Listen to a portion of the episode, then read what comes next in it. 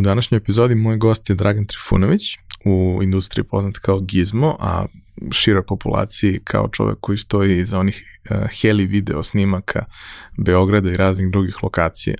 Uh, Dragan je neko ko ima više od 20 godina iskustva u uh, produkciji, radio je u medijima, već više od 10 godina se bavi snimanjem iz vazduha, od prve letelice koju je samostalno napravio do danas nekih vrlo ozbiljnih uh, dronova koje koristi za snimanje, a imao je prilike da radi i na najzanimljivijim domaćim projektima i na raznim koprodukcijama, ali i na stranim produkcijama ovde ovaj, od uh, Hollywooda preko Bollywooda i generalno indijske produkcije do raznih reklama sa raznim svetskim ovaj, studijima. Uh, nedavno je, kada smo se čuli da dođe da, da snima, bio na Staroj planini i snimao sa ekipom Bear Grillsa kadrove iz vazduha, tako da mnogo zanimljivih priča i uh, mnogo priča o tome zapravo kako kada uh, uvidite neki prostor i osetite potrebu da krenete samostalno u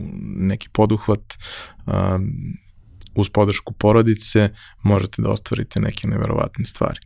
Takođe jedna od stvari koje ćemo se baviti je i e, regulativa u njegovom poslu, koja je vrlo komplikovana i kruta, koja u suštini uh, onemogućava da se ta industrija još više razvija, pa eto ako postoji neko ko uh, može na to da utiče, neka posluša epizodu, ako znate nekog pošaljite mu, verujem da će možda imati razumevanja i da ćemo možda napraviti neku malu društvenu promenu. Svakako, siguran sam da ćete u ovoj epizodi uživati. Realizaciju ove epizode podržala je kompanija Epson, koja je vodeći proizvođač projektora i štampača za sve namene, od kućne i kancelarijske upotrebe do profesionalnih uređaja koji se koriste od maloprodaje do industrijske proizvodnje.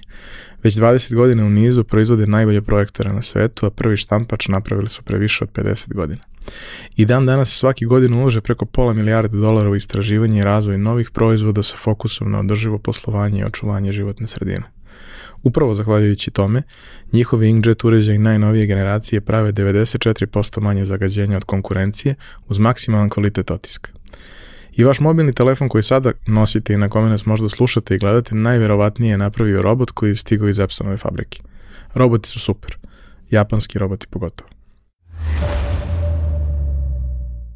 Za slučaj da želite da nas podržite vi individualno, uh, možete da posetite link u opisu podcasta na platformi Buy Me A Coffee i tu možete kupiti mesečnu pretplatu ili jednokratno donirati neki jednost koji želite. Hvala vam unapred na tom. Dragane, dobrodošao. Hvala što... Mi smo ovde ovaj, u prethodnih 120 i kusur emisija imali u nekoliko navrata pilote ili ove što su hteli da budu piloti i ovaj, što vole avione i sve, ali nismo zapravo imali niko ko leti. Uh mhm. -huh. Ti si nam prvi ko uh, redovno leti sa različitim letelicama, sad dobro, za sad još uvek ne leti u okviru na, na tih letelica, da. ali, ali leti njima. Ovaj, I ti si najpoznatiji naš dronđija, što, što mi volimo da kažemo. E, čovjek koji je za, zaslužan za manje više skoro sve impresivne kadrove iz vazduha koji su snimani na ovim Hvala. prostorima prethodnih pa skoro 10 godina. Ove, ali kako to obično ide sa, sa ovim mojim razgovorima, doći ćemo mi do, do dronova i do svega, ali kako je sve počelo? Šta si teo da budeš kad porasteš kad si bio mali? Hvala hvala na pozivu. Jako mi je drago da, da se družimo i da ispičam neku svoju priču. Kao mali sam nešto onako maštao da budem neki astronaut. Što možda bude jednog dana. Sad skoro sam pričao sa ženom kao, sa, kao Elon Musk kako je krenuo kao da pričao, pričao o kolonijama na Marsu. I rekao, sad mi je da odem na Mars. I žena kao, ti nisi normalno, okej. Okay. Nekako sam, ko klinac sam kao maštao da budem astronaut. Naravno, to je bilo nedostupno, kako se ovaj, život razvijao i okolnosti menjale kroz život. Ovaj, radio, sam, radio sam, bavio se ceže fotografijom od, ma, od malih nogu, radio sam dugo po televizijama, video, animaciju, montažu i tako dalje. I onda je negde 2008. 2009. kada je bilo nešto sam boljao po internetu i naletim na nemačku firmu Mikrokopter koja pravi takozvane dronove, tad se to zvalo multirotori. Dronovi su prozvani posle, kao. I kao, ludilo, ovo mora da imam. Kao, fenomenalna alatka za, za moj posao. A kad sam vidio cenu, i onda kao, čekaj, time out, kao polako. Znači, ne znaš kako to funkcioniše, ne, nisi to nikad radio, sve što leti hoće nekad i da padne. I onda, ovaj, ta prva bitna ideja kao da kupim, to je bila nedostupno, je bila mnogo skupo. Ali neko ta ideja nije izbila iz glave, da sam zahvaljujući internetu našao forum, neki RC Groups, gde se skupljaju raznorazni ljudi koji se bave tako nekim modelaštvom, letenjem, raznoraznim letelicama i nađem projekat za neki trikopter. Kao, to je sad kao multirotor, dron sa tri motora. I kao rešim da probam to da pravim. Poručim sve što mi treba sa, sa neta, sve delove, I po tom projektu, po nacrtu, to trebalo da se pravi od drvenih letvica. I bukvalno je bilo ko grunf iz Alan Forda, onako nešto, kao tri drvene letvice, motore sam vezivao ni plastične vezicama, onako, onako. I bukvalno, bukvalno je bilo onako skarabuđeno. I ovaj, tu sam ja silne muke imao dok sam ja to uspeo da napravim, da sklopim, da sve radi, jer nisam imao nikako prethodno iskustva sa takvim stvarima i nisam poznao nikog ovde ko se bavi modelastvom i tim remote control letenjem. I onda je bilo sizifovski, onako, bukvalno sve sam, onako, znači, on traži po internetu, pa kreni, pa probaj, pa onako, pun sam ožilja, kao, po prstima od, od neznanja i od, od oduranja ovaj, lisa.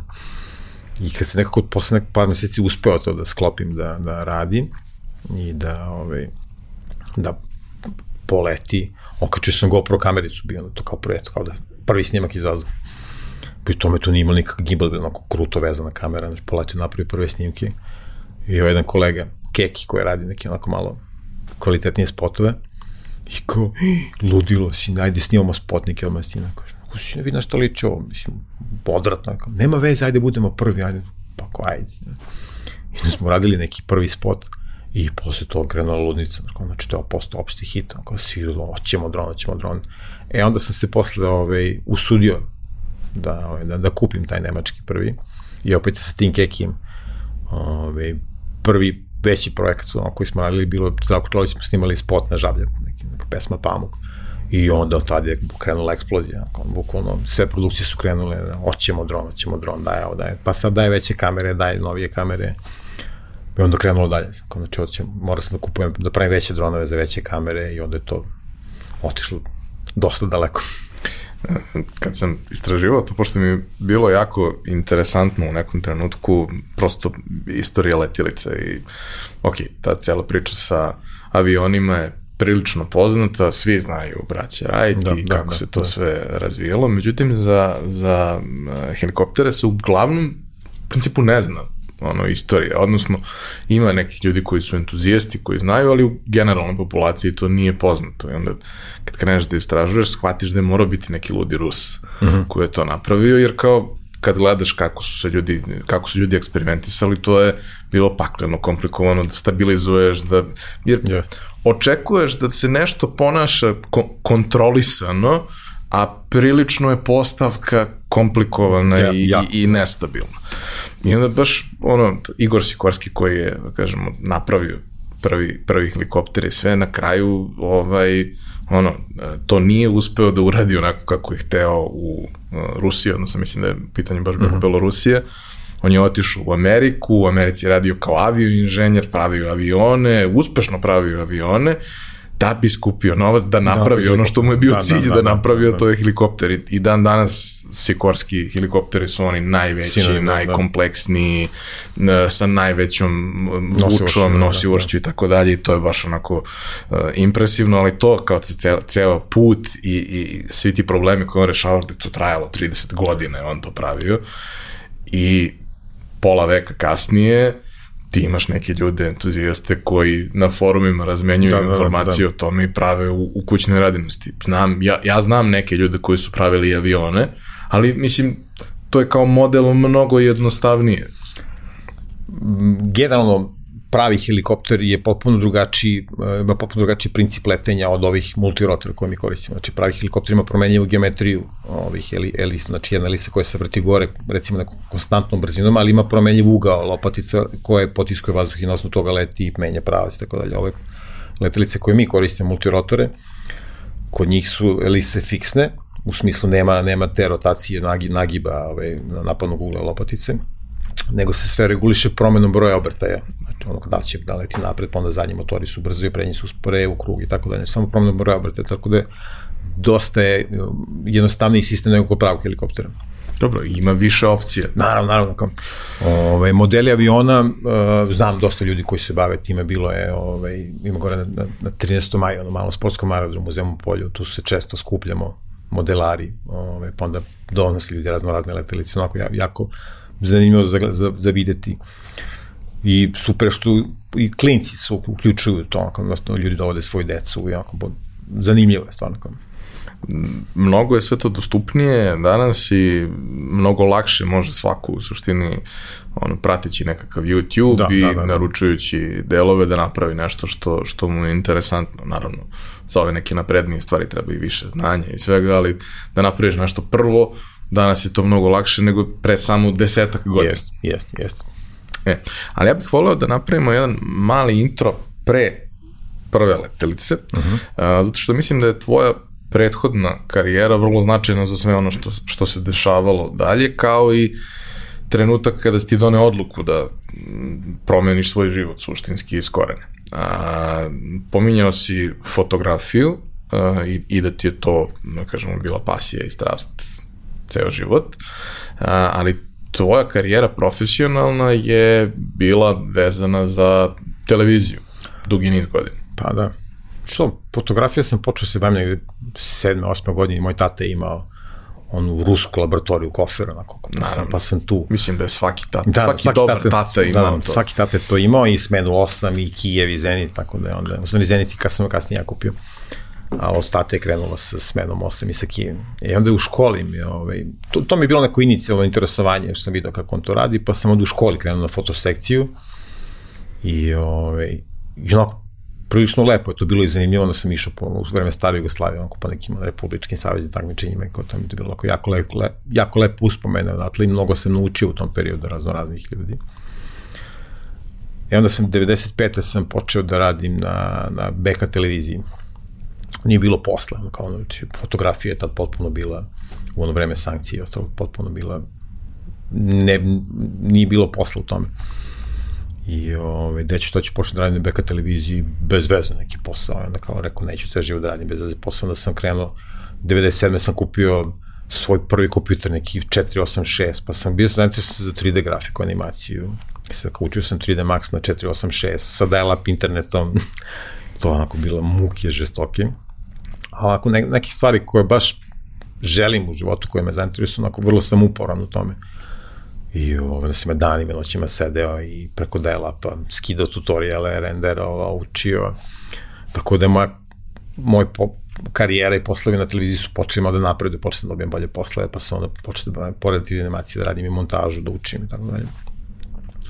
Onda sam posle, znači, bio sam na pet godina na BK, pa na Unifo televiziji, pa na Pinku i tako dalje, radio sam kao animator, montažer, fotograf.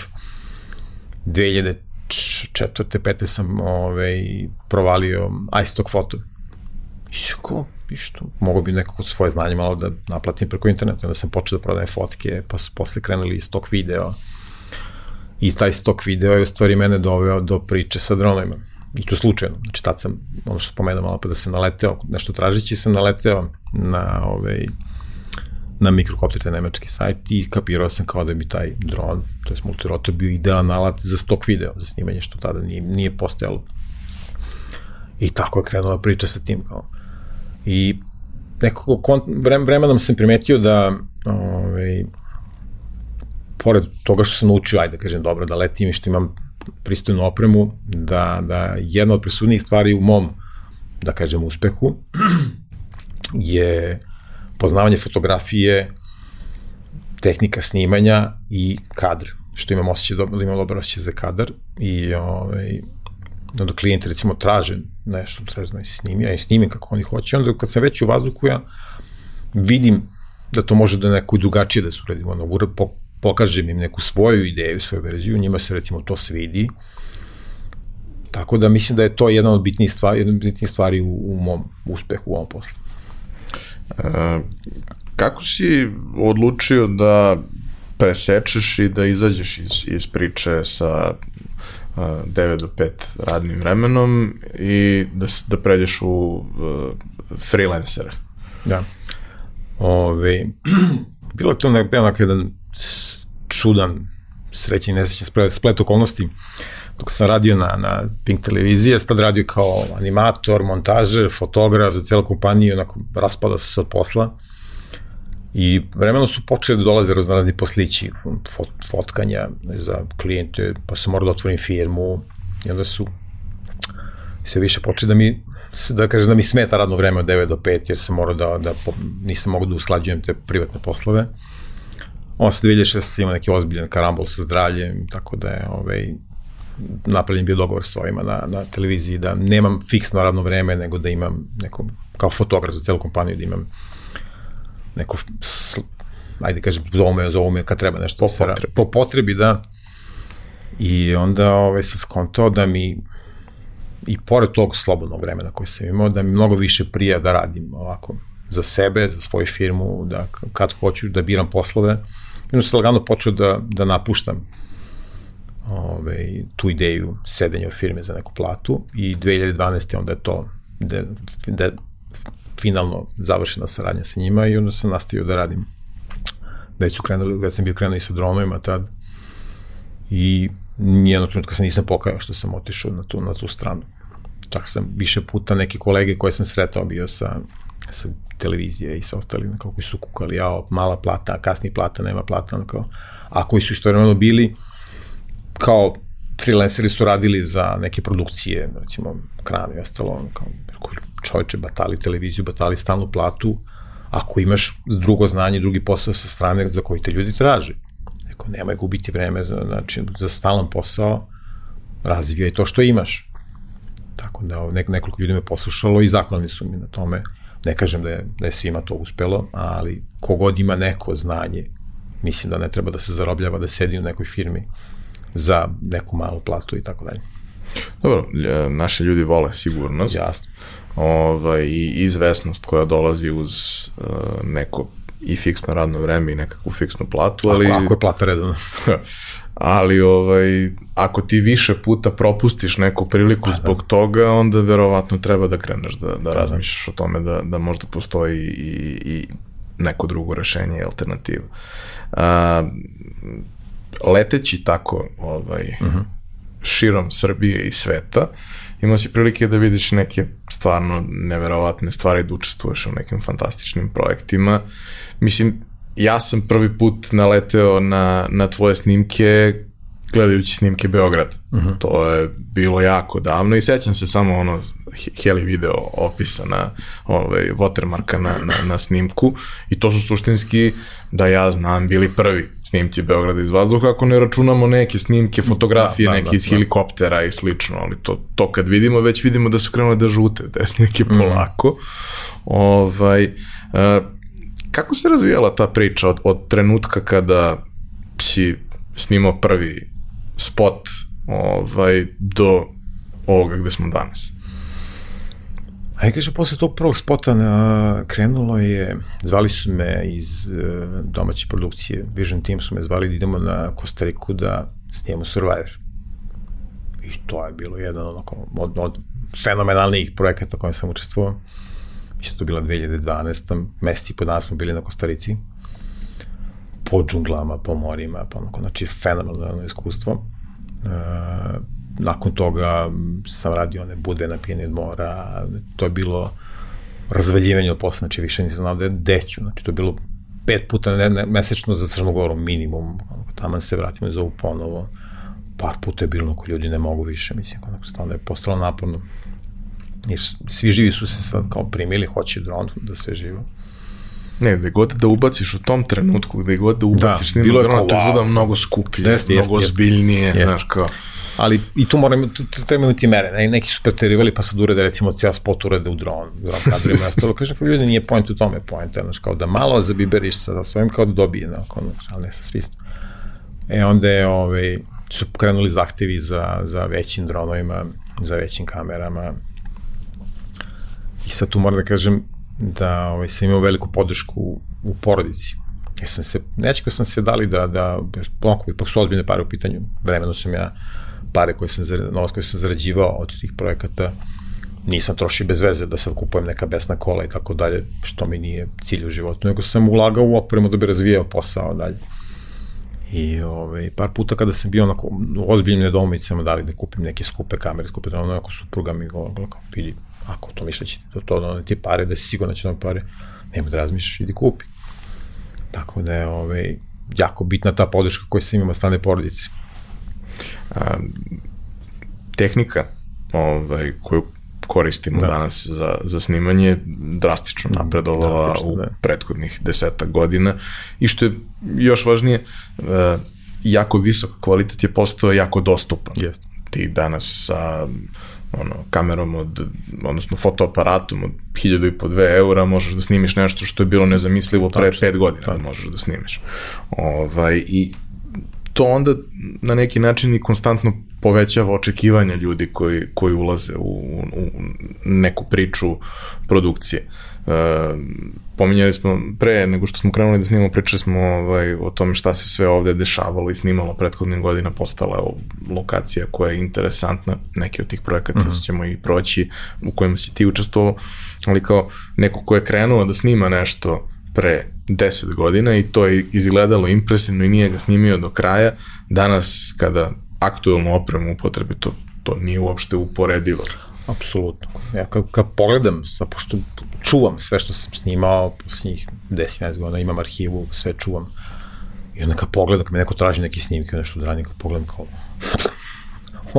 trese se leluja na sve strane, tad su gimbali bili mnogo nisu bili sa servomotorima, ne, bili, nisu bili sa brašnim motorima kao što danas, da su jako precizni, brzi bili sa servomotorima. Znači, to je bilo neuporedivo odnosno na ovo danas. Čak i danas letelica od 500-600 eura će dati kvalitetniji snimak i stabilniji nego ono što je ranije koštalo 10 puta više.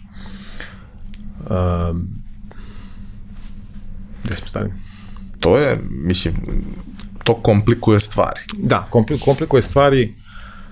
Um, u smislu što klijenti o, o, očekuju, e sad kao moćemo da imamo najskuplje, čim se pojavi neki novi dron najskuplji, e, sad mi bi to, kao, tako ljudi, za, imate otprilike isto, isto to, ne, mi bi to, tako da i to iz, iziskuje ovaj, dosta stalno ulaganja, praćenje tehnologije, šta, se, šta bi klijenti mogli da traži koliko ti sad imaš letelica sa kojima aktivno radiš? Odnosno, ne, ajde da krenemo od toga koliko se letelica promenio za ovo vreme koje se baviš posle? Pa promenio se ih jedno desetak sigurno. E, trenutno aktivnih ima veliki dron koji nosi Red i Alexu, Alexa Mini, znači to su neko, uglavnom za neke high budget produkcije, produkcije.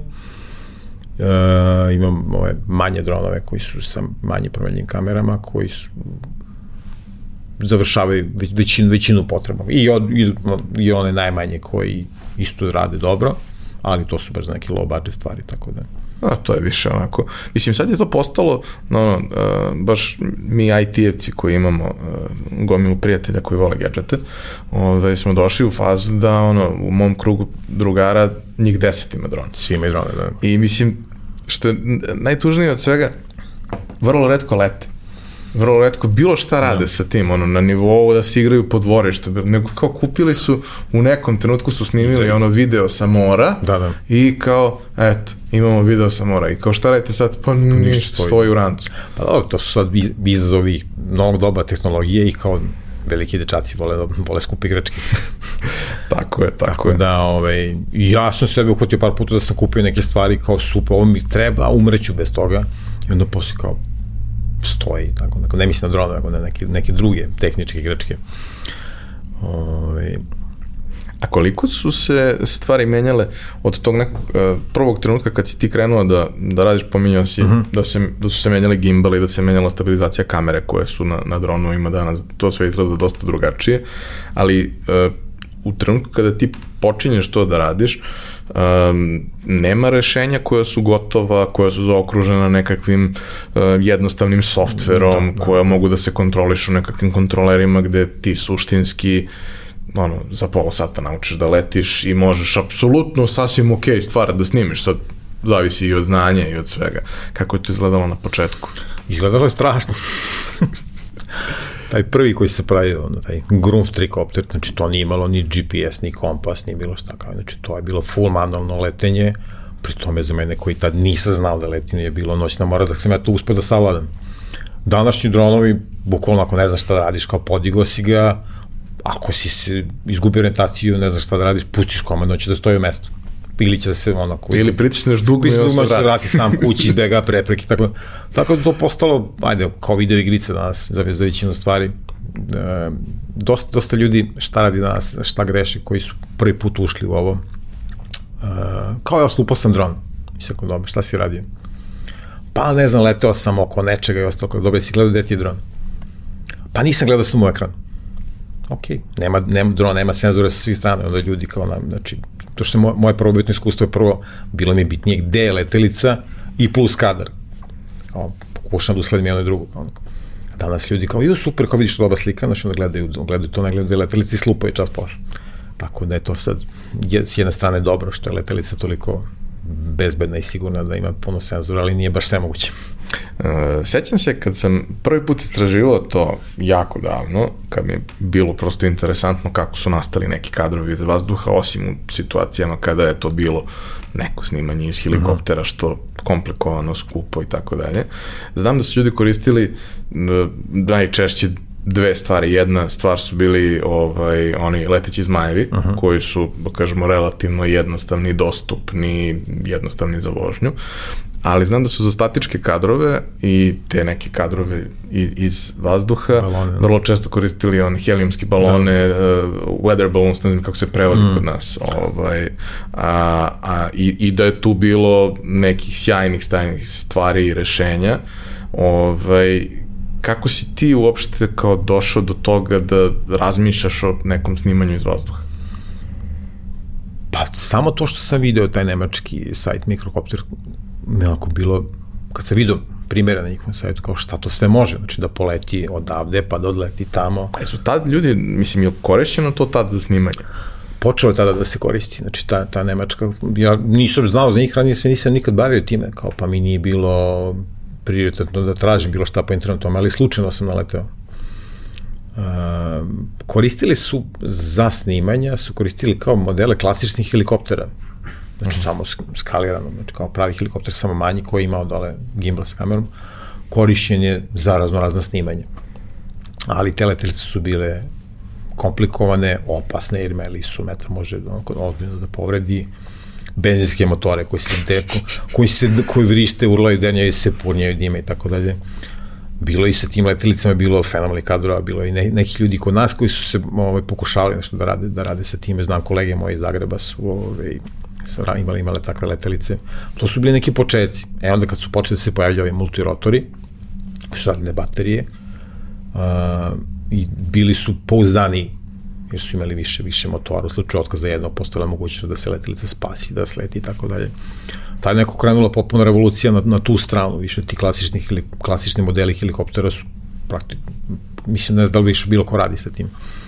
Sjećam se ovaj, kad sam to istraživo, ceo razvojni put gospodina uh, Sikorskog, da je tu u suštini glavna stvar bila da je on relativno brzo napravio rešenje koje je stabilno, ali nema dovoljnu nosivost. Uh -huh. Odnosno ne može da podigne čovek može da podigne sebe, da. može da lebdi, ali taj trenutak kad ti treba da poneseš još 100-200 kg da, da budeš stabilan u toj varijanti je predstavljala veliki problem i nikako nije uspeo to da reši. Mislim da je jedan od ono, bitnih momenta cele priče za, za razvoj svega ovoga zapravo bilo i to da se u tom periodu 2005. 6. 7. 8. 9. na, na ovamo desilo to da smo dobili akcione kamere koje su jako male, za to, da. za to vreme daju super snimke, kakve snimke danas daju, to od onda je delovalo smešno, ali mislim taj moment kad se pojavio GoPro i kad si ti počeo da imaš te neke interesantne, dinamične snimke koji su ti mnogo dostupniji nego ranije,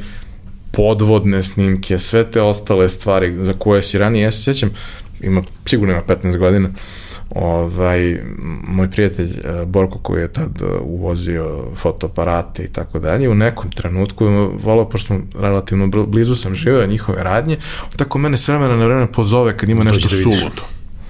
Ovaj, I zvao me i kad dođe nešto novo od opreme pa da zamenim, pa da ono, ono, ali s vremena na vreme me zvao kad dođe nešto suludo. U jednom trenutku me zove i kaže, e, Jesi vidio nekad kako izgleda ozbiljno podvodno kućište? Uh mhm. -huh. Kao vidio sam ona plastična, da, ne, da, da. one kenone male i to sve, kao pa nisam. Ajde dođi. O, čudovište. Ja dolazimo ono čudovište Gate, metalno. Gates, ovaj, I onda nakon toga bilo još, još suludija varijanta kad je preko nekog, to nije imalo neku komercijalnu vrednost u tom trenutku, a njemu je imalo emotivnu i to volao da skuplja i tako dalje. Kad je e, kupio neki, ako se ne varam, Nikon, uh mhm. -huh podvodni aparat, koji je nije aparat u kući Aha, što nego, nego je ceo da, aparat da, da. pravljen za to koji je bio ogroman sa ogromnom nekom staklenom sferom napred koliko je to sve nenormalno meni izgledalo mm. i kao da da da da da nekad je trebalo ovo a sad imaš ono malo kockasto Absolutno. ko pola pakle cigara i kao imaš istu stvar suštinski da, koju mnogo, koju mnogo lakše manipulišeš, koja pritom ono i tada kad, kad je sve počinjalo ima u sebi neku softversku obradu gde to na kraju izađe tri puta bolje nego što ti je realno izgledalo u tom trenutku kad snimaš i kao potpuno ne, nadrealno i neverovatno. Ima sam ovaj, baš na, tu temu ovaj, jedna priča 2014. 15. godine koja je bila. Zove me jedan prijatelj odavde, koji ima neku svoju produkciju, radili smo više stvari.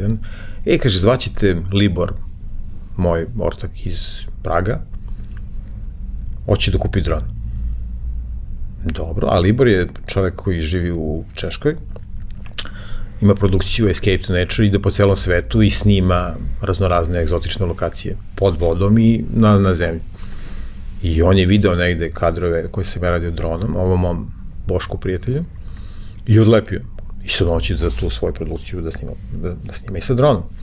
I zove me, kaže, Dragane, gde da kupim, šta da kupim i tako dalje. U to vreme nije bilo gotovih proizvoda tipa ovi fantomi, mavici i tako dalje, nego je bilo ili da ti neko napravi, ili da praviš sam. I bilo je komplikovanije za setovanje, za, za nošenje, za upravljanje, sve je bilo znatno komplikovanije. Bilo mnogo sad... se sastavlja. Da, da. I o, ovaj, ja njemu to objasnim i on kao, hoćeš da ideš sa mnom? Gde? Na Papu Novineju. Uje. Gde je to? Aha, pa ne znam gde je, mislim. Kad, šta? O, mesec dana u januaru 2014. mislim smo išli. Kao, ja rekao, hoću. Kaže, ti mi trebaš samo da mi snimaš dronom tamo, ako, ho, kao, ako hoćeš, možeš i da roniš sam. Rekao, naravno da hoću. I sad na osnovu toga sam počeo pričati zbog toga zato što je on imao ozbiljno Sony u kameru, mislim da bila je neka X1 i ogromno Gates kućište, onako baš profi kućište za podno. A ja sam snimao sa GoPro. No, ja sam išao rekreativno sa njima, onako, da, da uživam u svemu tome, on mi je naravno to omogućio i on je bio čak instruktor ronjenja, pa je ovaj, pazio da ja ne napravim neku glupost. I, ove, i sad kad, kad uporedim te snimke, ljudi sve kad pokažem ljudima to što sam ja snimao, kao, s čim ja snimam? Pa kao sa GoPro. Ma daj, nema da pričam. Ja se s tim zaranio na 45 metara s tim sa, sa, sa GoPro. U redu, redno smo bili nekih 25-30 metara dubine i super su snimci. Sad tu ima par stvari koje moraju da se malo da se stave, stavi naražati filter, da se doda neko dodatno svetlo, da bi, se, da bi bile realnije boje. Jer već na, na nekoj dubini počinje da se gubi crveni, crveni spektar. Da, da, da. I, ovaj, tada je bilo neuporedivo, ja idem sa listom malom GoPro, on ide sa likim čudovištem pored, koji snima, duša naravno, kvalitetniji su i snimci sa toga, ali je... Ali pitanje je kako bi sad bilo, kad bi poredili tu kameru i današnji GoPro? Pa, pff, mislim da bi se opet videla razlika, jer generalno GoPro ima mali, mali, mali objektiv, znači nema nikakve dubinske oštrine, ovaj, znači sve, sve je oštro i sve je široko, tako da mislim da, opet, da se opet vidi neka razlika. Sigurno se vidi razlika, A, nego kao, znaš, i, i, i vremenom se menja očekivanje od ljudi. Da, da, da. da, da. Znaš, mi smo recimo, sad se sećam, to je uvek bilo taj moment, mislim da je čak i Istok je to pominjao par puta kao taj moment, kao šta, šta je to što nedostaje snimcima, video snimcima, ne više ni, ni fotografijama, jer fotografije fotografijama to imaš da. sad već kao rešenje. Kao što nedostaje snimcima sa mobilnog telefona. Pa nije zamućena pozadina. kao, jer to kad je zamućena pozadina, I onda to su onda napravili skupo. to da može da. To je onda skupo Da. i sad ti već imaš rešenje za tako nešto. Ovaj, naravno, kao u fotkama već imaš ono simulirano Da, softverski da, da, koje uglavnom izgleda prilično dobro, a kao na videu ima neka opcija, nije to sad baš tako Nije sjajno, da. ali kao može, ako ga snimiš flat i ako se malo igraš, to na kraju može da izgleda zapravo prilično, Ja, prilično ja imam, imam stav da bolje imati bilo kakav snimak nego nikakav. I sa telefonom i sa malom kamerom i sa bilo čime. Bilo je par situacija da smo na nekim jako ozbiljnim snimanjima um, zbog vremenskih uslova ili nekog tehničkog kvara bili situaciji da nismo mogli da koristimo dron sa velikom kamerom koji je klijent tražio. Recimo, bilo je na Pagu smo snimali reklamu za neki Hondin motor. Uveče kad smo došli, super fenomenalno divno vreme, ujutru kad smo ustali, uragan. Bukvalno, znači ovo oborilo je, onaj, to i to i se kolege oborilo stedikem na stativu. Misli su oni kao, da dignemo dron da letimo. Ne. Pa što? Pa ako zato što toliko duo vetar ne mogu da ga kontroliš na sto ispred mene, kamo da juri motor. Jao, pa šta mi da radimo, mi ono, pa ljudi ne znam šta da vam kažem, mislim, znači, kao, ako ste spremni da platite ovoliko ovo opremu koliko košta, izvedite pare, ja ću da poletim ako dron padne, ja idem kući, mislim, jel ok, može tako? Pa ne može, pa ne mogu, ne mogu ja svoju opremu da rizikujem, jer ako oprema padne, vi ćete da kažete žao nam i da idete kući, a ja ću da plačem. I onda kao šta da radim? Kažem, ako vidi, jedno što smem da rizikujem, bio je onaj mali Phantom trojka, tad sam je kao bio ponos sobom. Kao jedno to smem da rizikujem po ovako vremenu, ako padne, padne, bože moj, mislim, sad, sad nije tolika šteta. I ja sam taj Honda motor izjurio po pagu, po onom kamenjaru tamo, kadrovi su spali fenomenalni, po, i pored tog vetra. I oni su ljudi koji, jao, super, ludilo, fenomenalno, kao to je loš kvalitet slike, tamo, pa šta da radim? I naravno to je ušlo u reklam, ti kadrovi su ušli u reklamu koja ko, snimana, ne znam koliko, šest meseci koštala neke sumanute pare. Bilo je još par nekih situacija gde smo morali da koristimo neki manji dron, što zbog vremena, što zbog nekih drugih stvari. I to je prolazilo. Znači, kao da je bolje da ga snimamo bilo kako, bilo čime, nego da ga nemamo uopšte. Ja, pa dobro, imaš ono, specifičan set okolnosti i, i, i vremenski okvir u kome može nešto da se desi Pa da. i to je to. Bilo je jednom na Dorčilu, dole smo kod onih silosa, ove, Lucy Beograd trebali neku reklamu da snimamo i sad kao veliki dron sa Alexom Mini treba da poleti, sve spremno, sve super. Jedan motor neće se startati. Šta je bilo? Sada li bilo zbog, bila velika mlaga, vla, ova, vlaga, magla je bilo ujutru, da li se nešto, ne, ne, ne, nešto desilo, ne pamet. Uglavnom, jedan motor neće startati, ne sam da poletim sa tim. Šta da radimo, tako, kažem. Isto sam bio, bio ono fantoma, bezvezano, kao za četvorku, mislim da bilo, trojka kao ono, za backup nešto. I DP koji je bio tu, kaže, ne veze da je diži to, samo spusti kontraste, sve ono na, na, na, na flat da bude što više. Bila neka magla, neki lik trči, onako magli se neko ujutru. I, ove, i snimili. I on čovjek pogleda, super, odlično, idemo dalje.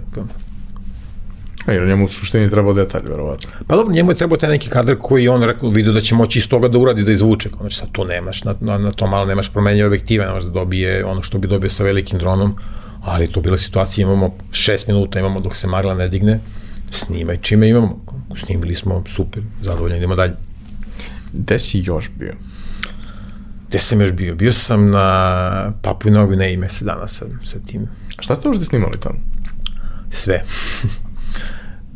Što sam pomenuo, pravo, Libor, je, Libor Spaček se zove, on je inače fotograf i čovjek koji se, on je instruktor ronjenja i vremenom je on put- putujući na raznorazne egzotične lokacije snimao podvodne kadrove, on i njegova devojka i onako isto ko ja, kad nešto snime, pa onda mu iz- izmontira posle, po, pokažem ljudima, znači su mu govorili kao, "Ej, to ti je super, kao, znači baš je dobro. I onda on krenuo čovjek da komercijalno to da radi po svetu, da snima za češku televiziju, pro neki sponsor i tako. I tad se bio mesec dana sa njim, znači bili smo na tri, četiri lokacije smo bili po celoj Papu Novoj Gvineji. Išli smo, penjali se, petali se na vulkane, išli smo, ronili sajkulama, išli neka divlja plemena. Znači to mi je bilo tih mesec dana stvarno jedno vrhunsko, vrhunsko iskustvo. Na samo nas dvojice smo bili tu snimali. Naravno imali smo pri ronjenju smo imali pratioce iz, iz ovih tih rezorta. A recimo bila jedna, jedna anegdota, išli smo na neki taj aktivni vulkan, da smo se penjali jedno sat vremena smo išli nekim džipovima, pošto taj deo onako pokriven pepelom, to je bilo, ne znam, taj, Baš aktivan. i ne aktivan, aktivan je, on i dalje radi, taj vulkan Taburvur se zove, u, u 20. veku imao dve jako velike erupcije, imao uništio to mesto pored Rabaul koji se nalazi, znači bilo i tu gde smo išli džipovima, su neke onako veliko koji su da kaže, ovde ispod nas ima 10 metara pepela, duša onako utabano, veliko, miško, ne vereš, gde si došao? I onda smo došli u podnež vulkana, pa smo se ono sat vremena penjali gore, popeli smo se na vulkan, koji je ovaj, aktivan u smislu dimio je tad, nije, nije imao erupciju. Šest meseci posle, na, posle našeg boraka tu imao je jako, jako užasnu, užasnu, užasnu erupciju. A šta je bilo zanimljivo kad smo se popeli gore? U stvari prvo podnožje vulkana dole, mi smo se istovarili, dolazi neki baja ko Tarzan, ako mislim, što onim kožnim gaćama, izlazi iz nekog drvenog kanua, sad se on ljuti što smo mi došli tu da snimamo, kao, koga smo mi pitali to da snimamo, da će da nas pojede, da će, kao, ovaj, pustio nas i da smo ga nešto častili, popili se gore na vrh vulkana, i samo izgleda spektakularno, vidi se dim, smrdi sumpor, da, kao, i u jednom trenutku sleti mi pčela na ruku, čekam, dakle, pčela ovde kilometrima okolo nema ništa, sve je suvo. Ja kao što da se kao skloni pčelu sa ruke, nisam je, ovaj, nisam, nisam je ubio, samo sam je sklonio da doleti. I kao, ok, ajde, spremni smo sad da snimamo. Ja se sam, čušno dole nameštam dron, I on se nešto mi ide po vratu, kao neko. I sam mislio sam znoje, pošto je bila jako velika vlaga. Ja uzem da obrišem i pčela, pritisnem pčelu koja me ubada vrat. A, a, dobro nisam alergičan generalno na, na raznorazne insekte, ali ne znaš kako je pčela, šta ima, koji otrov, vrućina je ubrzan puls, kako ću da reagujem. Rekao, dobro. Uzu neku hladnu vodu koju sam imao, seo 10 minuta, malo stavio na vrat, seo da se smirim. Rekao, ljudi, ako krene neka reakcija, ako počne se guši, samo me gurnite dole u vulkan. Da se, ne, bukvalno nema šanse da me spasu, ako krene da se guši, da me, da, da me, da me odvezu do bolnice. Samo, samo me gurnite dole, evo ja vam dajem odobrenje. Snimite me kako Snimite me kako pa Sva sreća nije bilo ništa, ove, uspešno smo to snimili, ove, taj vulkan, smo baš, baš lepi kadro ispali. To je bilo zanimljivo, pa smo onda ove, imali smo kad smo ronili na jednom mestu smo onako morali malo da, da bežimo od ajkula. A prva stvar kad sam krenuo to na papunog, papunog kad se pakuo, supruga moja kao, molim te, pazi na se, pošto zna da sam adrenalin junkie, ne? molim te, pazi na sebe, šta da ako naravno ću pazi. Lažeš budalo, ronićeš s ajkulama. I kad sam poslao prvo, prvu, prvu fotku s ajkulama, ona odlepila kao, e, ko si da nećeš, pa ko mora. Samo to sam Sam, te zamolila. Da, da, samo to se zamolila, nemoj, A ako što ne nekom naterali su me zlikovci, morao sam. Ma, ne bih ja rekao da je tebi to bilo loše. Nije naravno nije bilo loše, znači to je jedno onako fenomenalnih iskustava to na papu i prošto je spektakularna priroda i taj Libor sa kojim se bio je fenomenalan lik. I onako sutra da me zove, to bi se uto spakao i otišao mesec dana sa njim. A e, taj prethodni projekat koji je bio uh, Survivor na, uh -huh, na Kostariki, uh, kako je to izgledalo, pošto, mislim, ok, reality programi kod nas u tom trenutku nisu nepoznati, ali da. nikad se nije radilo nešto tako. Da.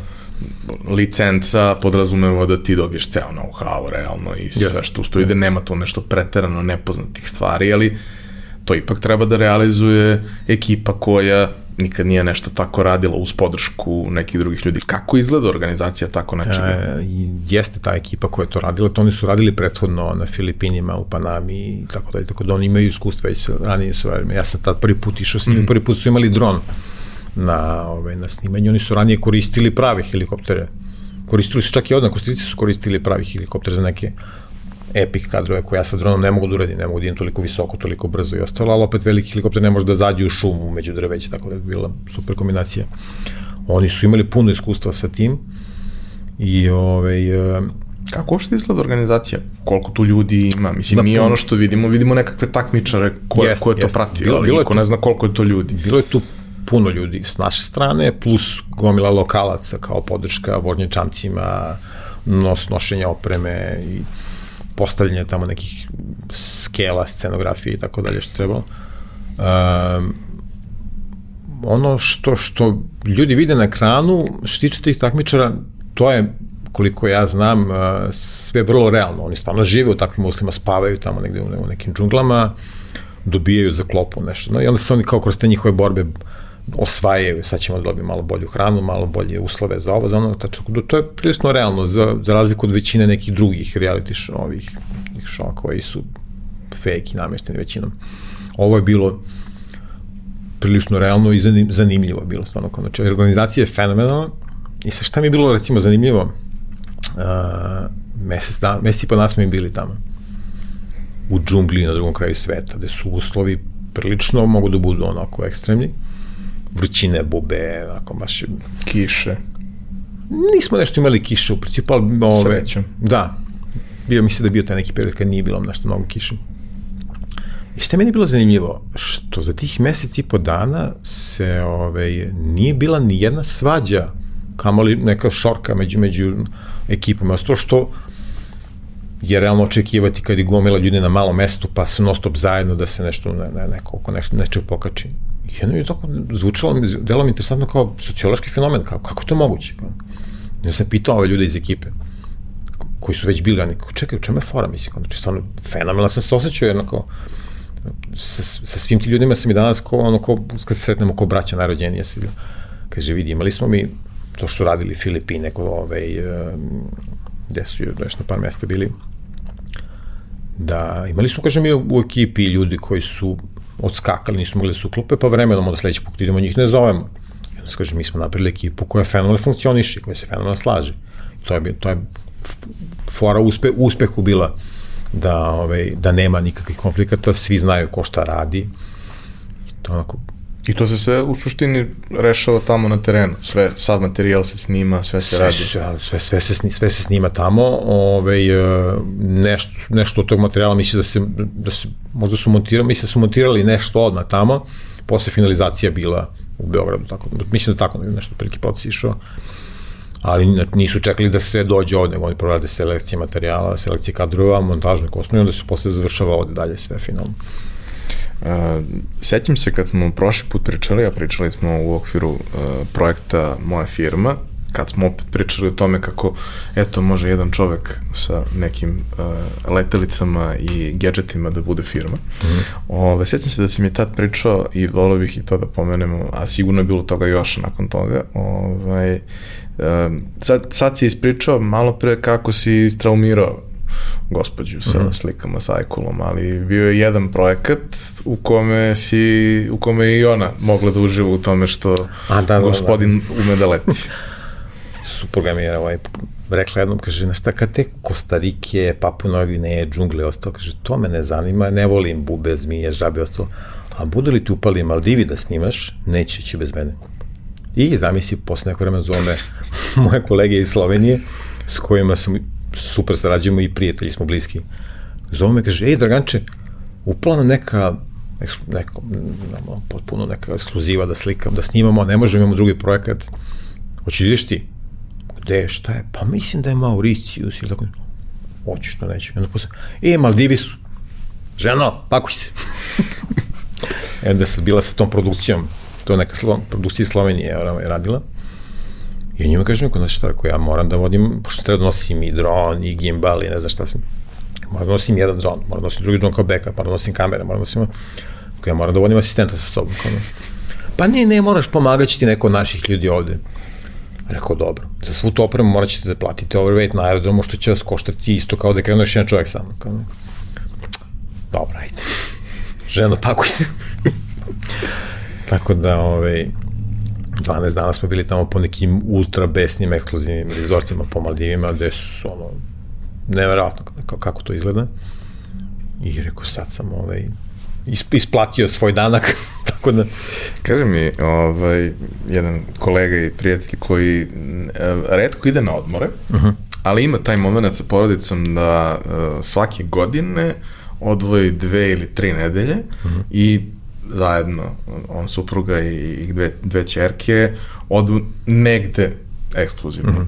Super, njima ide posao i, i njemu i supruzi, dobro žive i kao prosto ono, ne mogu baš previše često da, da, da. putuju, ali to kao kad mogu, onda se zaista da. potrude da to bude sjajno. I sad, on je, on je jedan od tih likova koje, osim, i, osim putovanja, pita mi za druge stvari u životu. Ovaj, da se posavetujem, ali u jednom trenutku ga pitam, pošto to traje već desetak, 15 godina, oni to uh mhm. -huh. rade.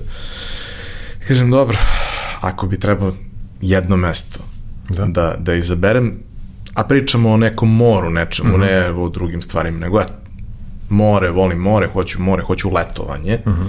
kao gde da idemo, oni su išli i Tanzanije mm -hmm. i čude i sve.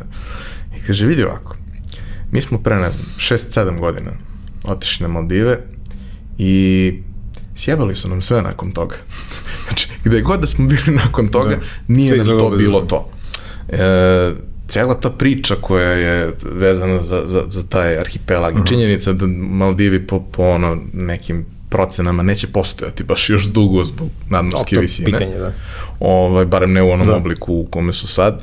E, i, I ta cela priroda i sve kaže da, da, da je to potpuno neverovatno. Sad, e, kad sam ja to malo istraživo, raspitivo se kao tu postoje, postoji ceo arhipelag. 1600 ostrava, mislim da, da ima nešto kao da. Ima, ima gradića, ima da, da, svega, da, da. ali to u principu gde, gde turisti idu su uglavnom rezorti. Ti dolaziš na neko veće ostrvo i odatle ideš ili malim hidroavionima da, da, da, da, ili čamcima ili tako nešto i ideš u, u, u rezort.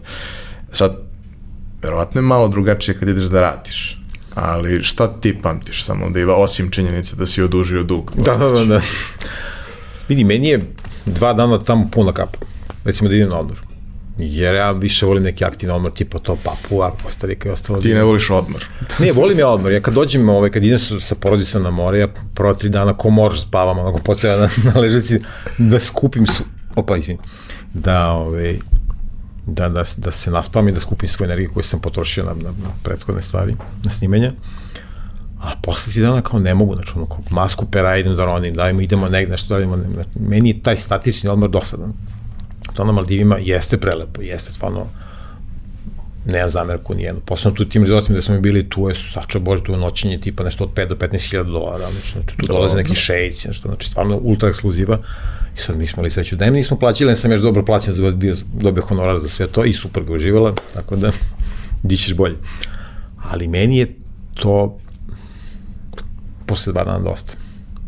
Do, dosadno. Da, ceo dan blejanje na plaži, jeste divno, divan beli pesak, plava voda, ribice, sve super kao, a meni dosta, ako nema, po, počnu da mi trnu noge od, od ležanja na ležaljci i moram nešto da radim.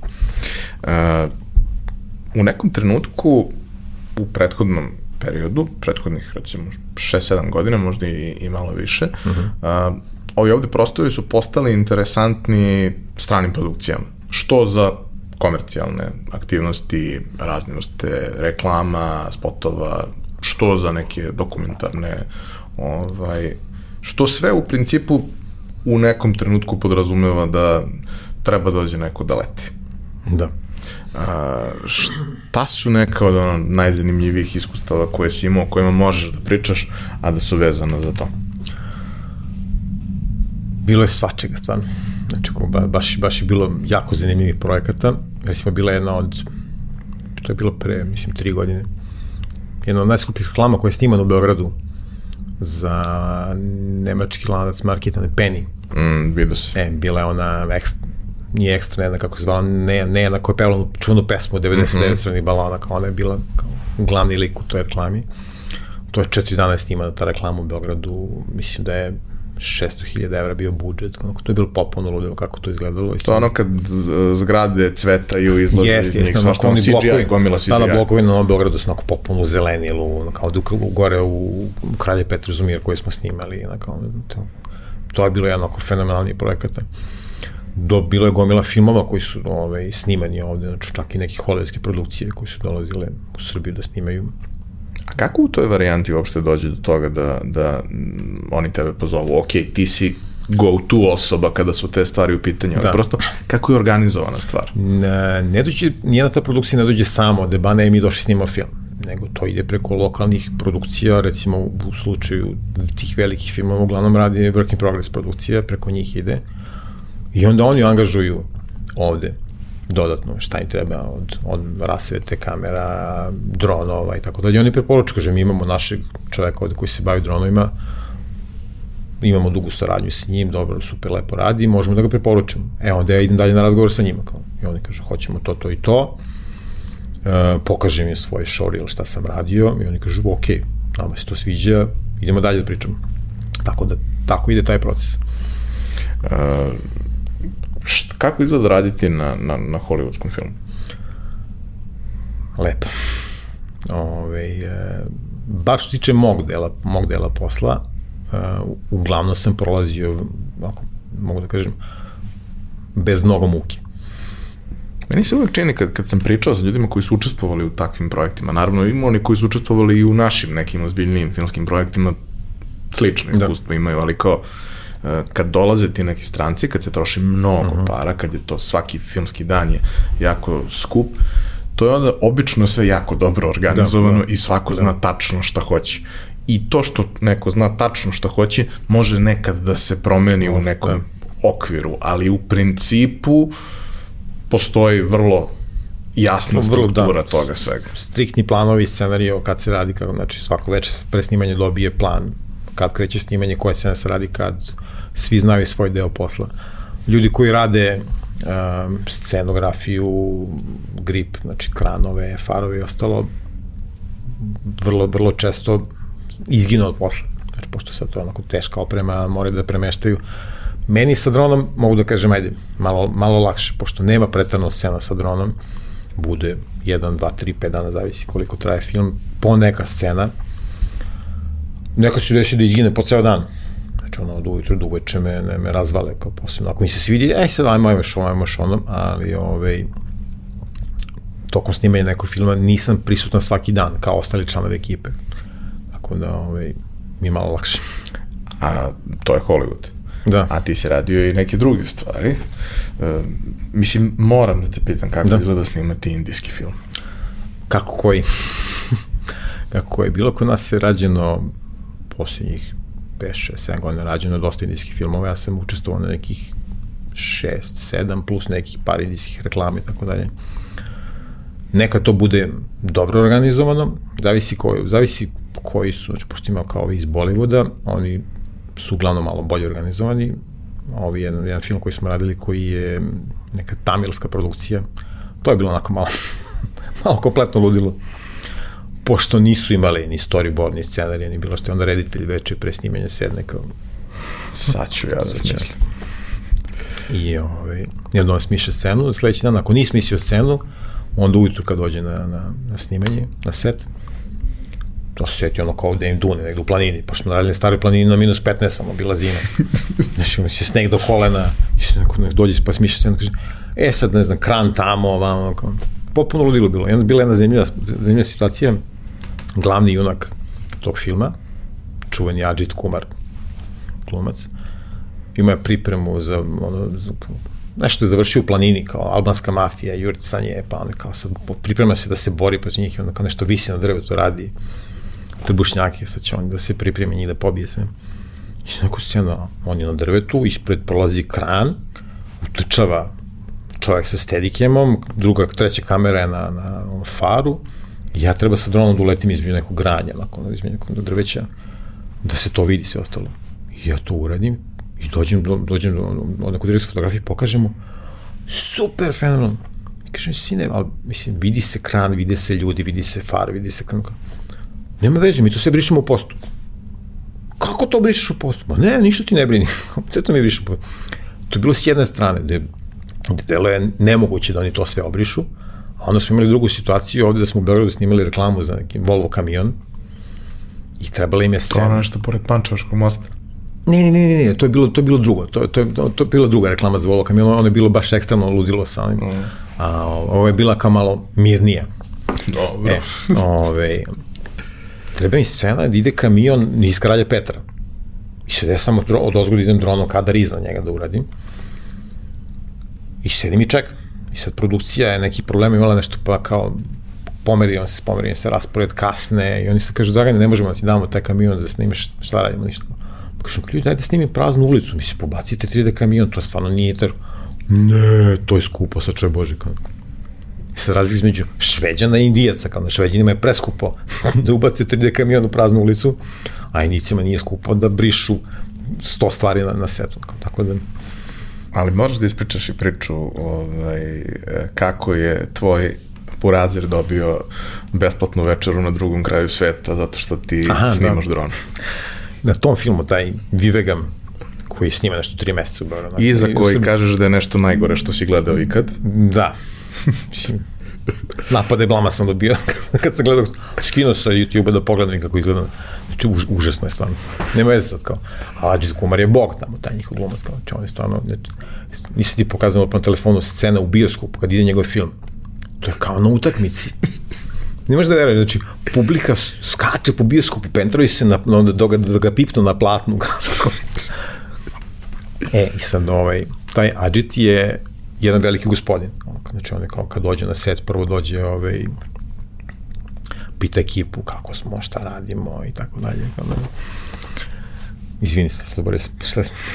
Kako je Burazir dobio? E, Buraz, da, izvini, da. Ove, I sad je pošaljem, Buraz, Buraz moj u Kanadi radi kao programer u Torontu. I zna, ima dosta kolega indijaca. I, ove, I on kaže indicima, e, kao, moj brat snima u Srbiji film sa Adžitom Kumarom.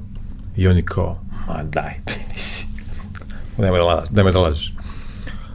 I ja sledeći dan dođem na snimanje, kao, Adžit, možemo jednu sliku? Kao, ma naravno, kao, ne zagalimo se, mi slikamo se, ja pošaljam Buraziru.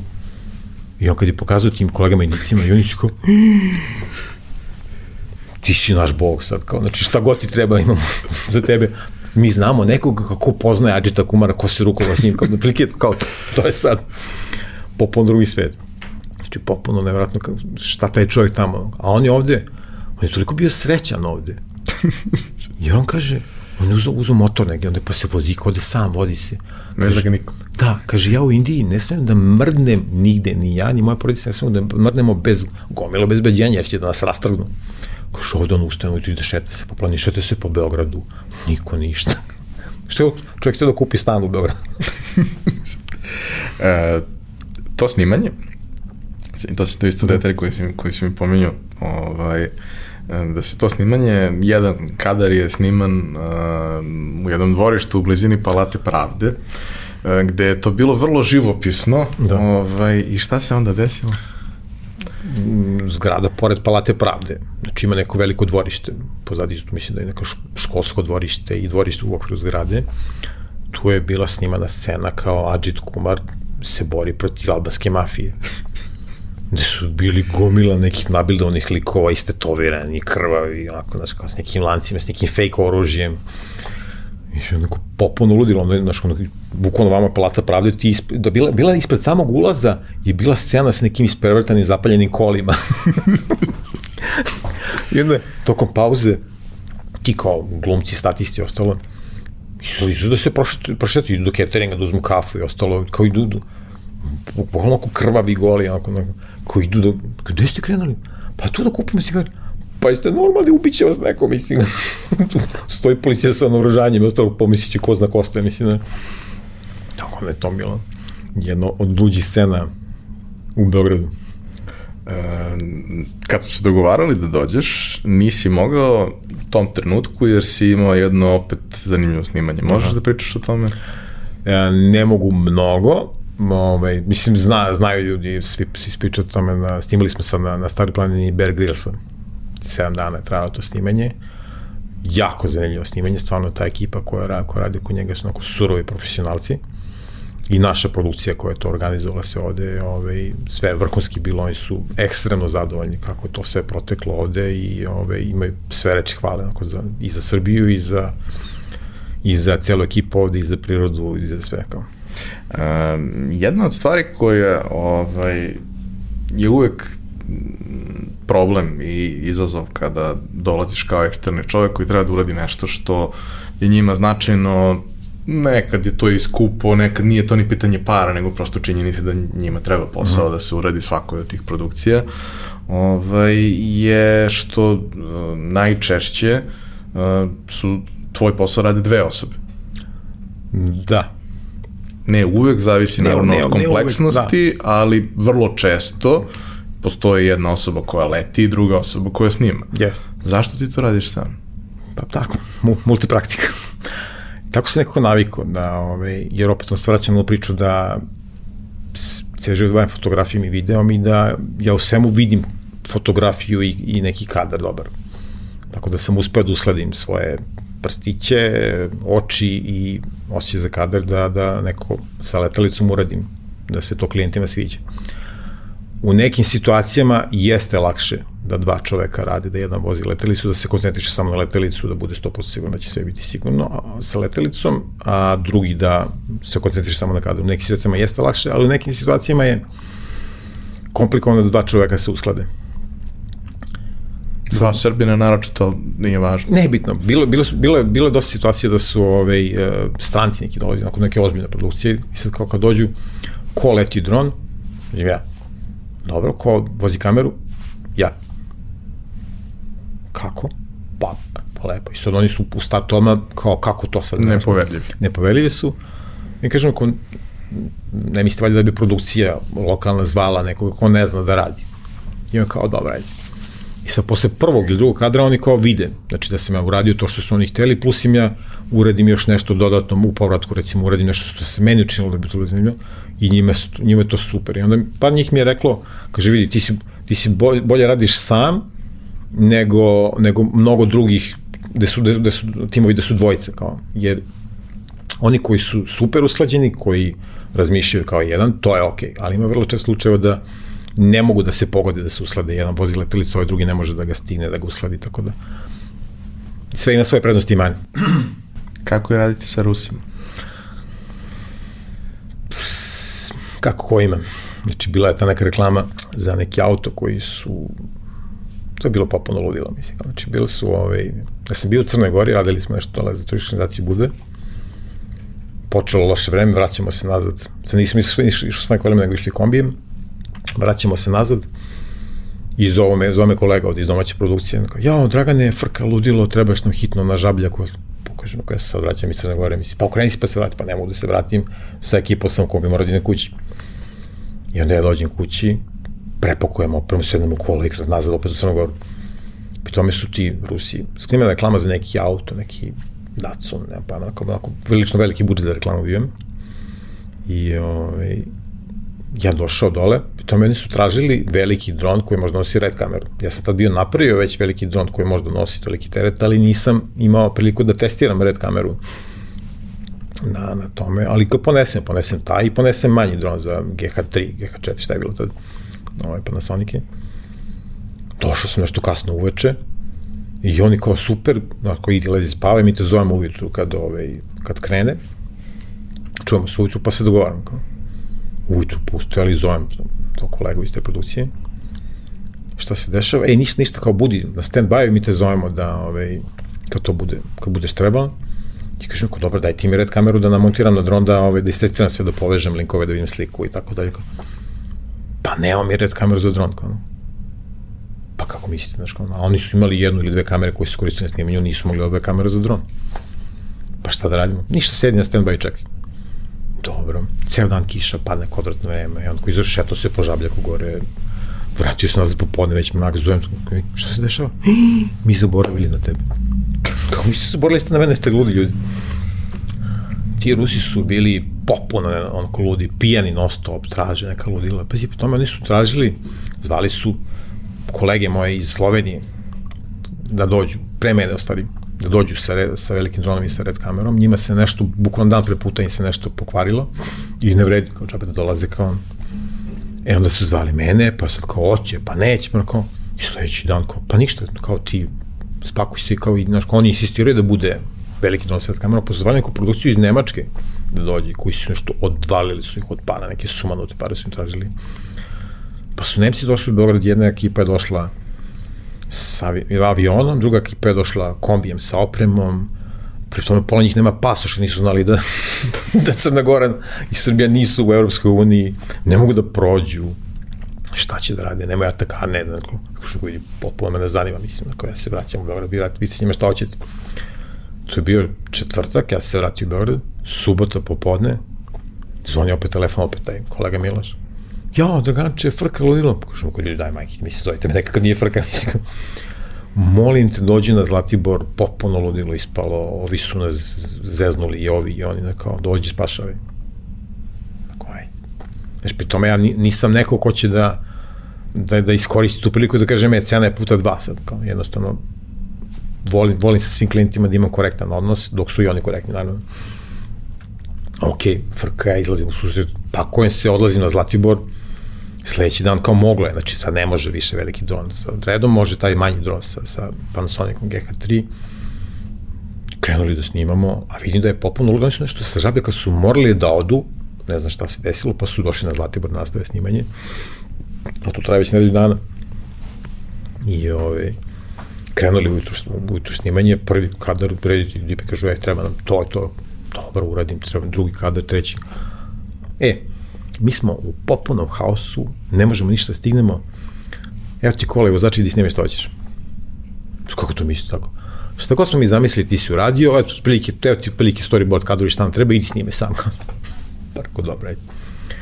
Završi se taj dan, završi se taj dan i sad kao došli uveče, oni su tu imali i, Russian Army, znaš šta je Russian Army, kao ne, imali su Russian Army, imali su gomilu opreme, gomilu ekipa, znači popuno ludilo bilo, sve kasnije zbog blesavih pijenih Rusa koji samo nešto se ovaj, izmišljaju. I taj dan završili i sad kao, da li moraju još jedan dan dostaju da snimaju? I oni kao puzili, pregledali sve kadrove, gotovo je, imamo fenomenalne kadrove sa drona, ne treba ništa više, završili smo snimanje, bravo, izljube me, svi kao super. I onda ja posle dođem naše produkcije ovde isporučim ovaj, fakturu, neću da pomenjem koja nije bitno, isporučim fakturu za žabljak, put tamo vamo, za Zlatibor, za sve snimanje. Ta faktura je bila četiri puta manja od kolega iz Slovenije, a od kolega iz Nemačke je bila manja za sedam puta. I onda me iz produkcije tužu, pa draga, ne si ti normalno, pa vidi koliko je to par, što toliko skupo. Ono. Ja zabezeknut, ono što sam malo pripomenuo, odnos prema klijentima, da gledam da ih poštuju, da poštuju oni mene. Kažem koji ljudi, iznadali ste me dođem na, na Žabljak, pa na Zlatibor i na kraju sam vas spasio još jedan snimajući dan koji je bio skošto, vratno, Boga oca. Vi da ste došli da ste rekli hvala ti, evo ti bonus za to što si nas spasio, sve to. Vi kažete mnogo mi. Ok, budući drugačije pričamo. Uh, jedan poseban aspekt svega ovoga je uh, regulativa odnosno sve ono što se da. dešavalo po tom pitanju, a dešavalo se svašta i vrlo je to sve postalo da. komplikovano. E, a, kako je došlo do toga da se uopšte neko pozabavi time, osim činjenice da je previše ljudi krenulo da leti? Pa inicijalno kapisla je bila ona albanska zastava na, na, na stadionu. To je bila, ovaj, nažalost, pokretač svega, tad su digli paniku, frku, skapirali su da nešto mora da se uradi. Uh, slažem se da treba da postoje neki pravnik regulativa koji će to da reguliše, posebno sad kad uh, možda kupi letelicu ko hoće gde hoće. I u samom startu je, je mi, mi je bilo nejasno da oni ovaj, uh, regulišu nešto, čak i bilo zabranjeno, ja nisam mogao da uvezem.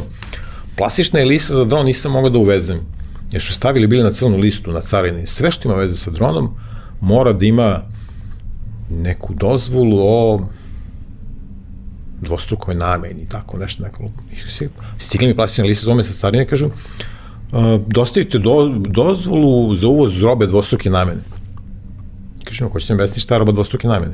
I koja je druga namena? Da, ne. I, je, i sad, tetka sa carine kaže, Pita, zašto vi to koristite? Pa, kažem, koristim, sad nisam je htio da objašnjam da mi je to za posao, da me ne bi iskobiš iskomplikovala.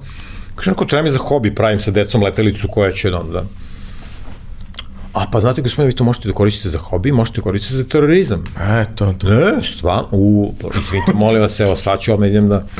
Da druga namena je terorizam. Druga namena je terorizam, ali se onda ima potpuni, drug, potpuni absurd, znači to je bilo kad hoćeš sam da uvezeš nešto, a onda si bilo, u bilo koju prodavnicu odeš, u ušće, odeš u komtred, nije bitno, dajte mi taj dron. I ti kupiš dron, platiš i izađeš i nikom ništa, znači, jedno sam baš pitao ušću, ljude koji to prodaju, rekao, ili vi imate obavezu kad nekome to prodate? Da uzmete neke podatke, da ga obavestite o nekom postojećem pravilniku, zakoniku i tako dalje. Ne.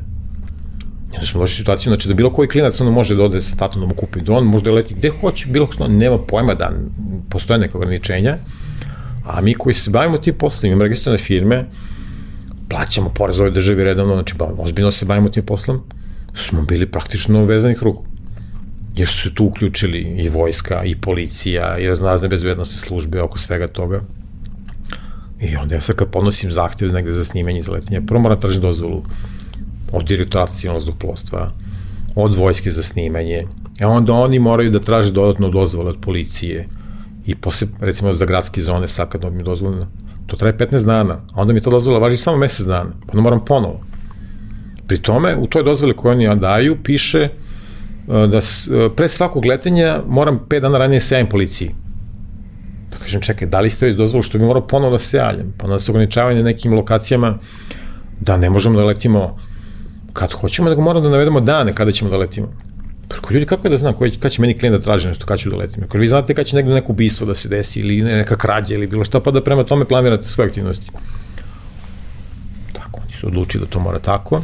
A opet, s druge strane, ljudi koji dalje lete bez ikakve dozvole registracije ostalo, ne znam, ne znam da li je neko sankcionisan i da to nešto jure.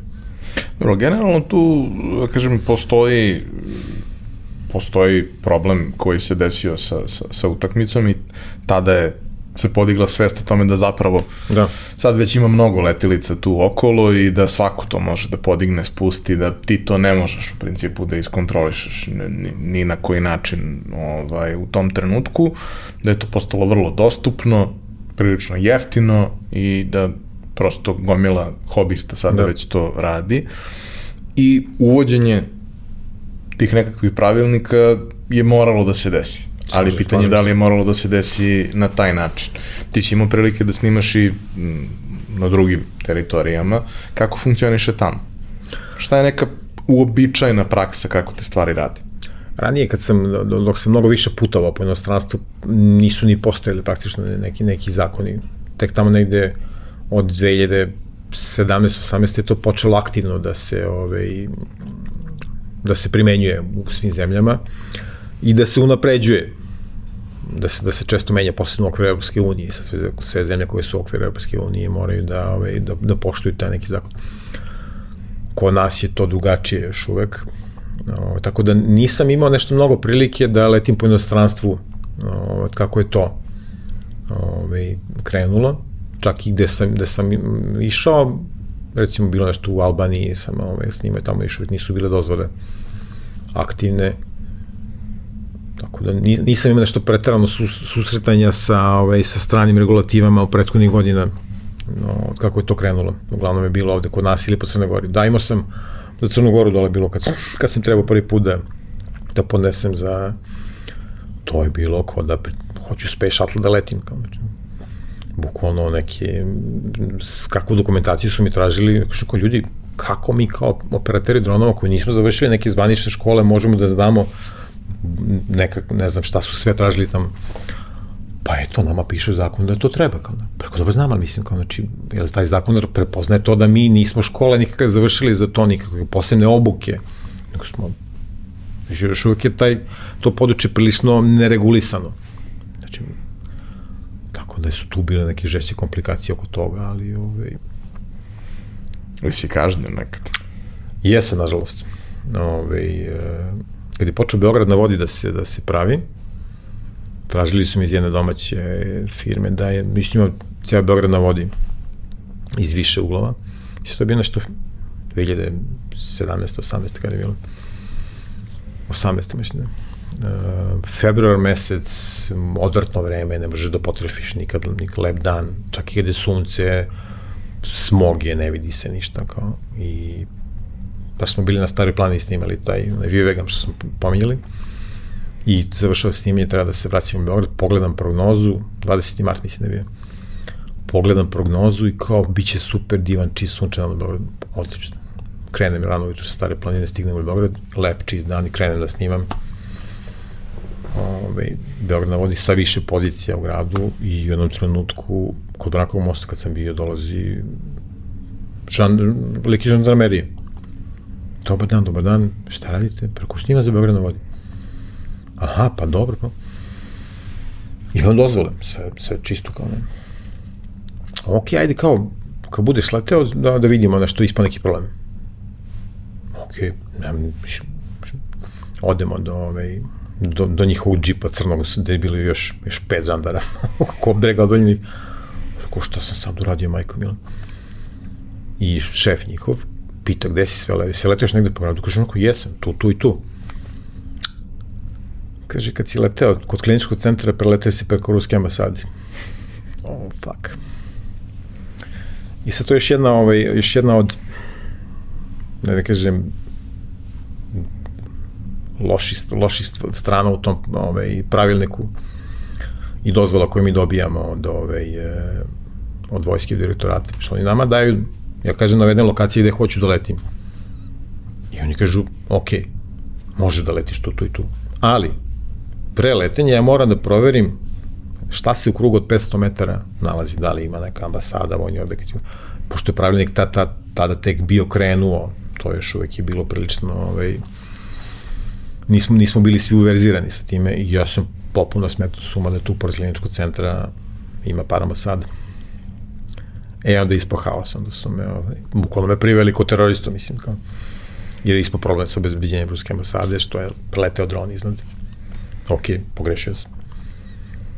I šta je bilo stvari fora? Što je meni dozvola istekla bila dva dana pre toga. To je bila najveća drama. Dobro, i da nije istekla, verovatno bi on slično. Pa, verovatno. Kažem, ako ljudi nisam nikog ubio, mislim, kao, znači nisam napravio nikakav eksces, niti bilo šta, mislim, kao, kaže, sve jedno. Eto, onda ispo problem, uzeli su mi dozvolu, leteli su 45 dana je bila kod njih, na kraju sam morao da platim kaznu. E, ja znam iz nekog, da kažem, i mog iskustva i iskustva prijatelja i kolega, da generalno te stvari koje, koje podrazumevaju, da kažem, više snimajućih dana, snimanje u različitim uslovima, moraju budu fleksibilne. Jer ti možeš da kontrolišiš sve što je u, u unutrašnjosti nekakvog prostora, u nekom stanu, u nekom hangaru, u nečemu, ali stvari koje se snimaju u spoljašnjim uslovima, ti znaš otprilike kako izgleda dugoročna prognoza, dugoročna prognoza se menja. Ma kakvi, pa evo prethodni danas smo imali priliku da vidimo, znači da piše da će biti sum, ono, popodne, sunčano popodne, imamo smak sveta, mislim, ono kao. I kako ja onda prema tome da odredim kad ću da snimam. Šta je, po, ma, malo, je, malo je pretrano komplikovano za, za hendlovati to sa klijent mi traži nešto, ja mu kažem ne mogu da, ne mogu da snimam za 5 dana jer ne mogu da stignem da dobijem dozvole u gradu. Van grada je drugačije brže se dobije dozvola.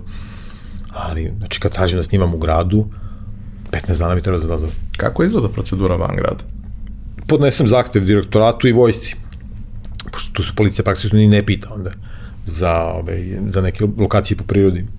Direktorat većinu slučajeva, ako su manje letelice u pitanju, kažu to nas nije u našoj nadležnosti, e, dok, dok poštujemo odredbe pravilnika, vojska se pita za snimanje bilo gde ali recimo imali smo problem jedan pre par godina smo nešto imali za Netflix je bilo neko jucanje nekih kola po, po, po raznoraznim putevima i ovaj, e, navali smo bili pratili, snimali neke, neke kom, džipove što su bili i stali na nekom parkingu da, da, da se dogovorimo gde ćemo dalje op, staje neki auto ispred nas, izrazi baj uniformi, klik, klik, klik, fotoparat, slikam, kao, šta radiš to, kao, što slikam?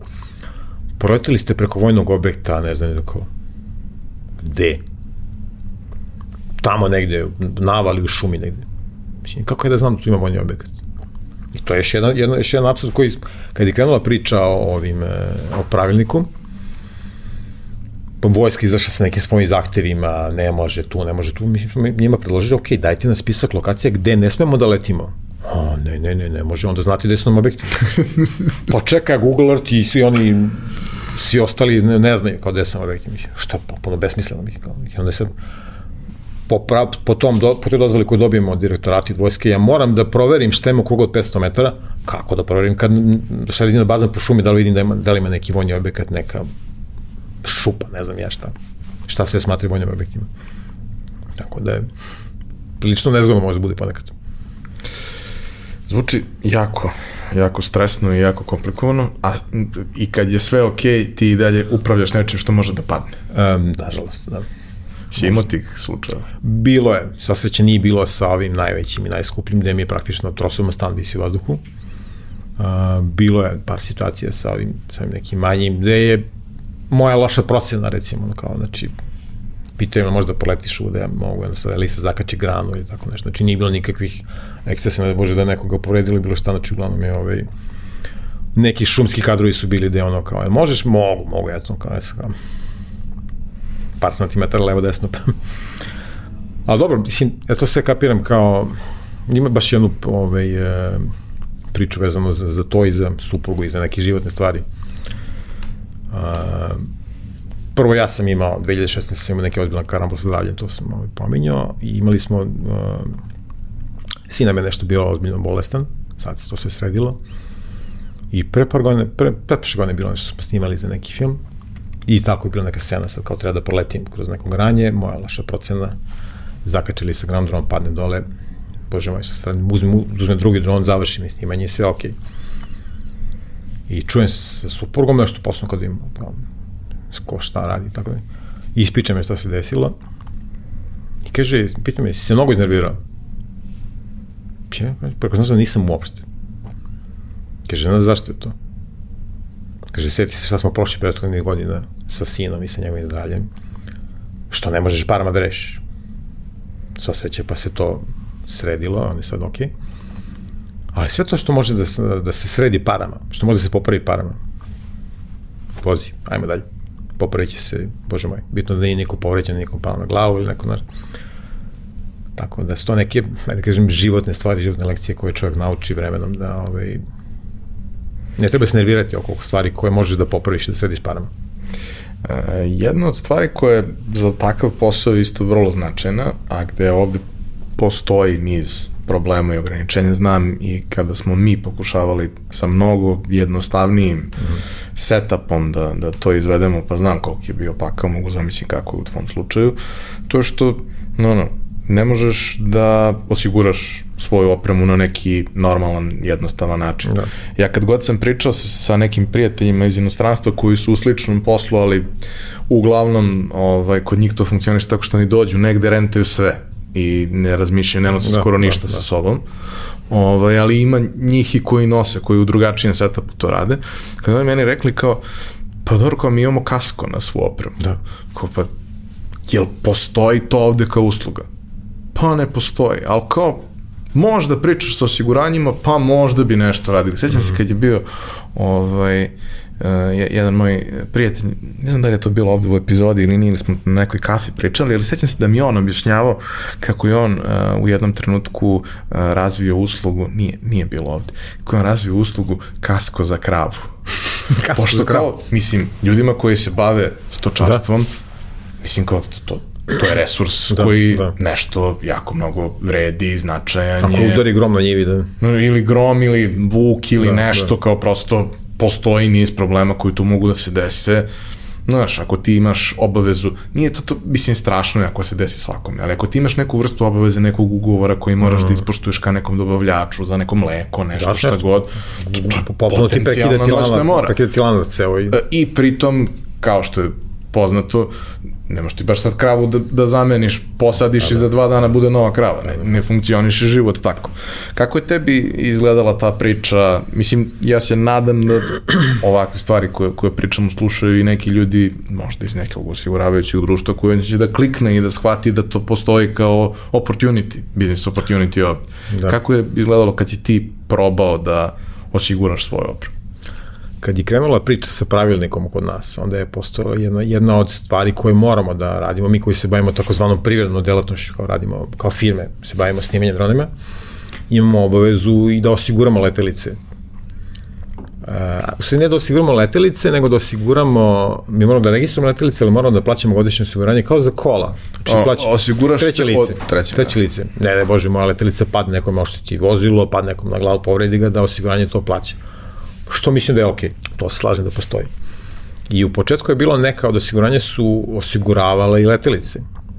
E sad, nažalost, neki od kolega su to zloupotrebljavale i onda su vrlo brzo prekinuli sa tim, jer su skontali da im to ispada od svih nekih osiguravajućih šema koje oni imaju i to je onako prilično nesigurno tržište, potencijalni rizik. Da, za početak je nepoznato, ljudi ne da, vole ništa da, što da, Oni što osiguravajući društvo što je nepoznato, što nema iskustva s tim, ovaj, to ne vole. Ili je užasno skupo. I onda su prekinuli da si, sa osiguranjem letelice i to više niko nije, nije ni pružao kao mogućnost kod nas koliko ja znam. Ja sam onda jednom hteo da da osiguram svoju opremu, ne samo drona, nego i ostalo što imam i kamere, objektive i svu opremu koju koristim za raznorazna snimanja i zemaljska. Jednostavno da osiguram ono, protiv krađe, protiv poplave, protiv ne, negde sam na autoputu, pa me udari kamion pozadi, uništim ja opremu u kolima i tako dalje. Mislim, kao. I onda sam, ne znam, od nekih osiguranja sam tražio ponude, bukvalno je bilo da im plaćam 10% godišnje vrednost opreme kao godišnju premiju. Tako ljudi, onda je treba da radi samo za vas, mislim, to je potpuno besmisleno. Tako da, da li se nešto među vremenom promenilo, mislim da nije. Nije da ja znam. Nije da, A pritom tu pričamo zapravo da ti to u, u uslovima kada uopšte ne koristiš tu opremu, nego je to prosto pa, i, nešto... Pa ili kad, ili kad je koristim, ili kad sam negde na snimanju, sad kamera mi je negde stoji na stativu, u studiju ili na, negde, znači da nije u riziku, ali može da se desi da neko u prolazu zakači pa da padne, pa da se nešto, znači to je praktično oštećenje opreme. Ne znam kako se to vodi u osigurajućim društvima. Sumanute pare su neke tražile. Onda imaju neka osiguranja koja nude, uh, kad su neki veliki setovi, kad dođu, kad se rade neke velike reklame, strani firma i tako dalje, da se daju paket da se osigura sva oprema na snimanju i to košta neku sumu, ne znam koliko. A to je obično kratkoročno, a to je nešto, u nekoliko dana. Tite to na dan, dva, tri kao to radi, ali ovo godišnje osiguranje gde sam ja stalno miran sa svojom opremom, da mogu da odem na miru, da u, u restoran uveče s porodicom da večeram, da ne razmišljam da će neko da mi obije ovaj, magacin da mi pokupi opremu. To kod nas je skupo ko, ko đavo i pitanje šta bi bilo na kraju da se desi tako nešto pa dođeš osiguranje onda bi bilo vratno a što nisi ovo, a što nisi ono tako da mislim da bi nešto na tom polju ako neko sluša od osigurajuće kompanije mogu da, da poradi na tome. Šta ti je u narednom periodu ono, neki zadatak koji treba da ispuniš? Da, što se tiče nekih uh, zakazanih projekata ili... I što se tiče projekata, šta su, ti, šta su neke zanimljive stvari o kojima možeš da pričaš, a i šta je neki naredni korak što se tiče opreme? Pominjao si da je možda vreme da uh, upgradeuješ još neke stvari. Ja sam hteo prošle godine da ovaj, pošto smo, smo se selili, pa smo tamo sa sreće kraj 2019 smo završili sve to i onda sam hteo 2020. da, pošto prethodne godine, prethodne godine su bile stvarno jako dobre i uspešne, I onda sam razmišljao o tome da, da, da uložim dalje u opremu, da malo proširim posao, da zaposlim još nekoga i tako da. I ja sam mislim, stan koji nam je ostao, smo, stavio sam bio noglas da, da, da ga prodajemo, htio sam neki kredit, da uzimam neku opremu da kupim. Da, I onda kad sam vidio sa korona što se dešava, kao, čekaj, time out. Sva sreća da sam to uradio, inače bi bilo ozbiljno problemu sad. A kako je izgledalo sve tokom korone? E, bilo je znatno manje posla nego, nego ranijih godina. E, znači, ja sam bio nekih 45% sam bio odnosno na prethodne godine, što u mom slučaju, ok, nije loše, obzirom da ja moj posao malo više naplaćujem nego što je neki prosek. I što nije, moj posao nije samo, samo, samo na dronovima, nego znači, imam i neke kamere druge koje rentam, koje ja snimam i tako dalje, tako da recimo ko, kolege iz Slovenije i Hrvatske su bili u, u ozbiljnom problemu, jer, jer ovaj, tamo je mnogo manje snimanja bilo, im nije bilo potrebe za dronovima, nakon toga su baš znatno, znatno gore prošli. Ove, ovaj, naredni period imam, imamo sad zakazano ove, ovaj, neki work in progress, produkcija, oni, oni sad imaju neki film zakazan koji treba da krene u augustu, septembru da se radi, to je neki nastavak nekog poznatog filma. To ima, pa Indijci, naravno, na, naviru ko samo, samo vi da snimaju ovde, ko što nama super. S tim što sad ne bi bilo verovatno toliko ovaj, jednostavno i bezbedno da se šeta ulicama ovaj gospodin sad ih ima baš dosta po gradu. A to mi še prepoznali vi ga da?